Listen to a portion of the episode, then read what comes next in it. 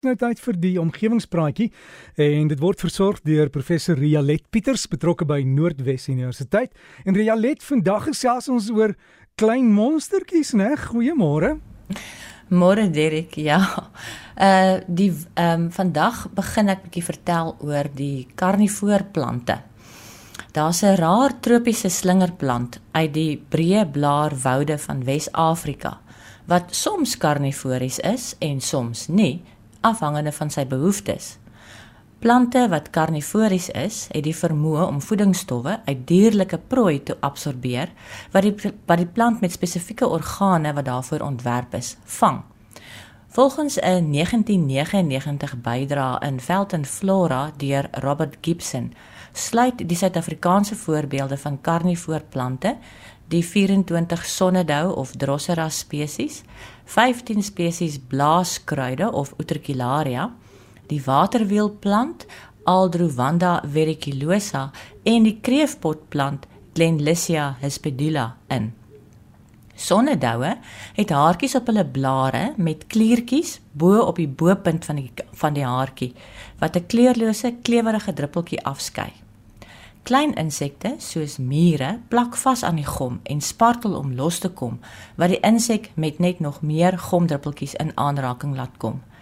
Die insek vrek daar en sterk sure en ensieme word rondom die inseklyfie afgeskei en verteer die sagte dele van die inseklyf. Hierdie sop word weer deur die plant opgeneem Die waterwielplant is volgens die 1999 artikel toe nog nie in Suid-Afrika spesifiek aangetref nie. Dit kon intussen al gebeur het, maar is veronderstel om oral in Afrika te kan voorkom al is hulle skaars.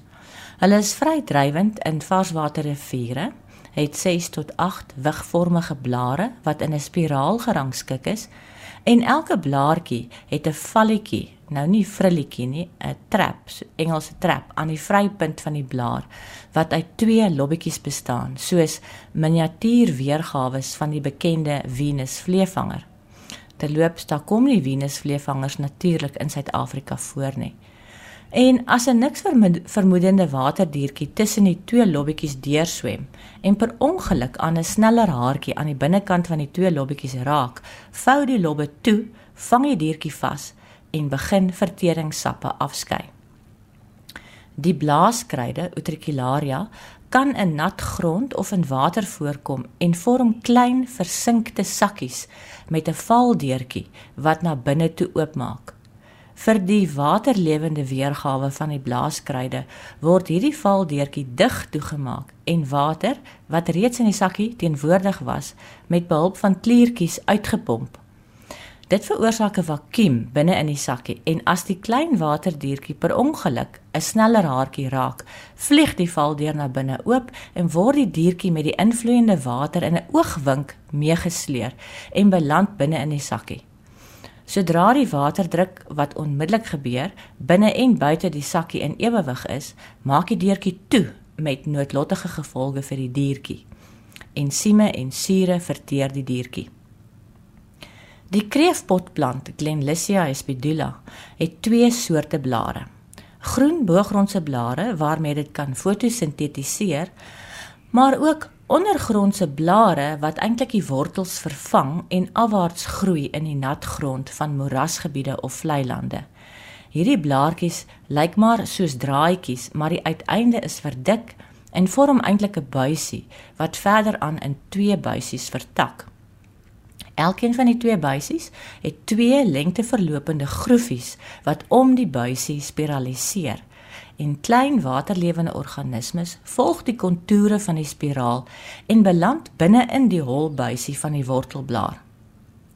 Die rigting waarin die spiraal die diertjie kanaliseer is van onder af opwaarts sodat die diertjie geen keuse het as om opwaarts in die dun buisie te beweeg nie.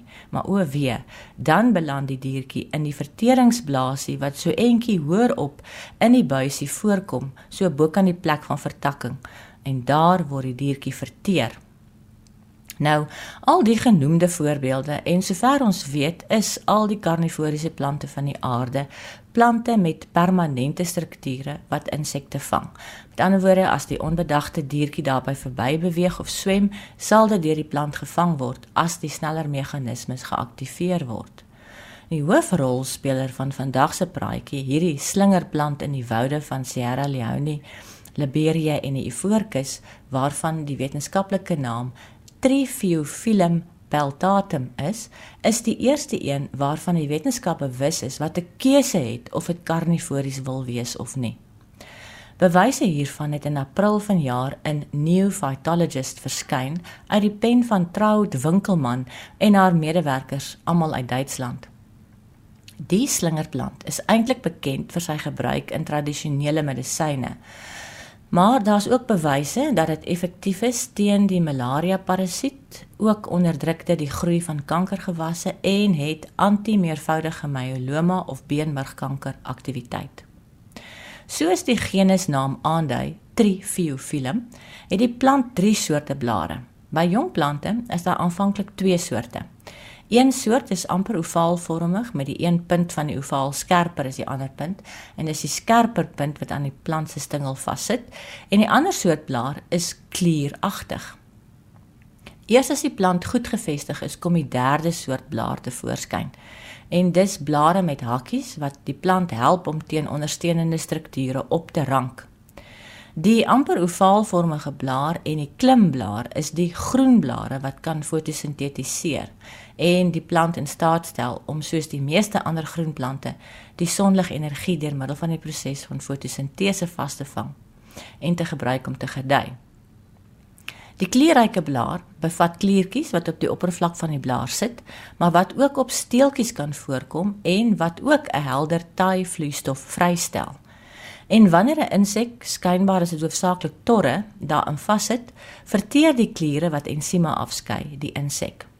Maar die plante in hulle natuurlike waar die plante in hulle natuurlike habitat voorkom, um, het hulle meer van hierdie klierryke blare in die tydperk van Maart tot Junie, net voor die groot reëns van die gebied gebeur En voordat hierdie artikel verskyn het, is aangeneem dat die toename in karnivoorblare geassosieer word met voedingstekorte, soos wat dit maar die geval is met die, al die ander karnivoorplante wat dikwels in voedingsarme habitats voorkom.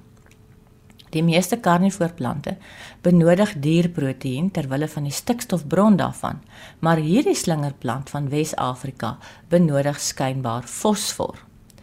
Die navorsers kon dit uiteindelik regkry om die plante suksesvol in kweekhuise te vermeerder en het genoeg daarvan gehad om die plante aan verskillende groeiomstandighede bloot te stel en te toets presies watter faktore dit is wat die vervaardiging van die karnivoorblare aanskakel. Hulle stresfaktore soos baie lig, hoë en lae temperature, sowel as hoër konsentrasies van die plantstreshormone soos etieleen, jasmoonsuur en gibberellinsuur toegedien. Hulle het ook tekorte van die belangrike nutriënte, stikstof, kalium en fosfor getoets en uiteindelik blyk dit dat dit 'n tekort aan stuk fosfor was wat die sneller is vir die plant om sy karnivoorblare te vervaardig om so die tekort aan te vul.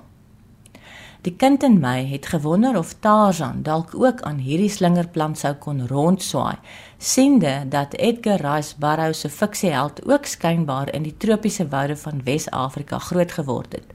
Maar ongelukkig het my oppervlakkige soektog toe nou niks insiggewend opgelewer nie. Ek het op omgewingspraatjies se Facebookblad foto's van die slingerplant en ander Suid-Afrikaanse karnivoorplante geplaas. Gaan kyk 'n bietjie. Dankie julle het ons wil kyk ons maar ja, oh, oh, oh, fantasien moet oefen en dit was die omgewingspraatjie en professor Rialet Pieters betrokke by Noordwes Universiteit.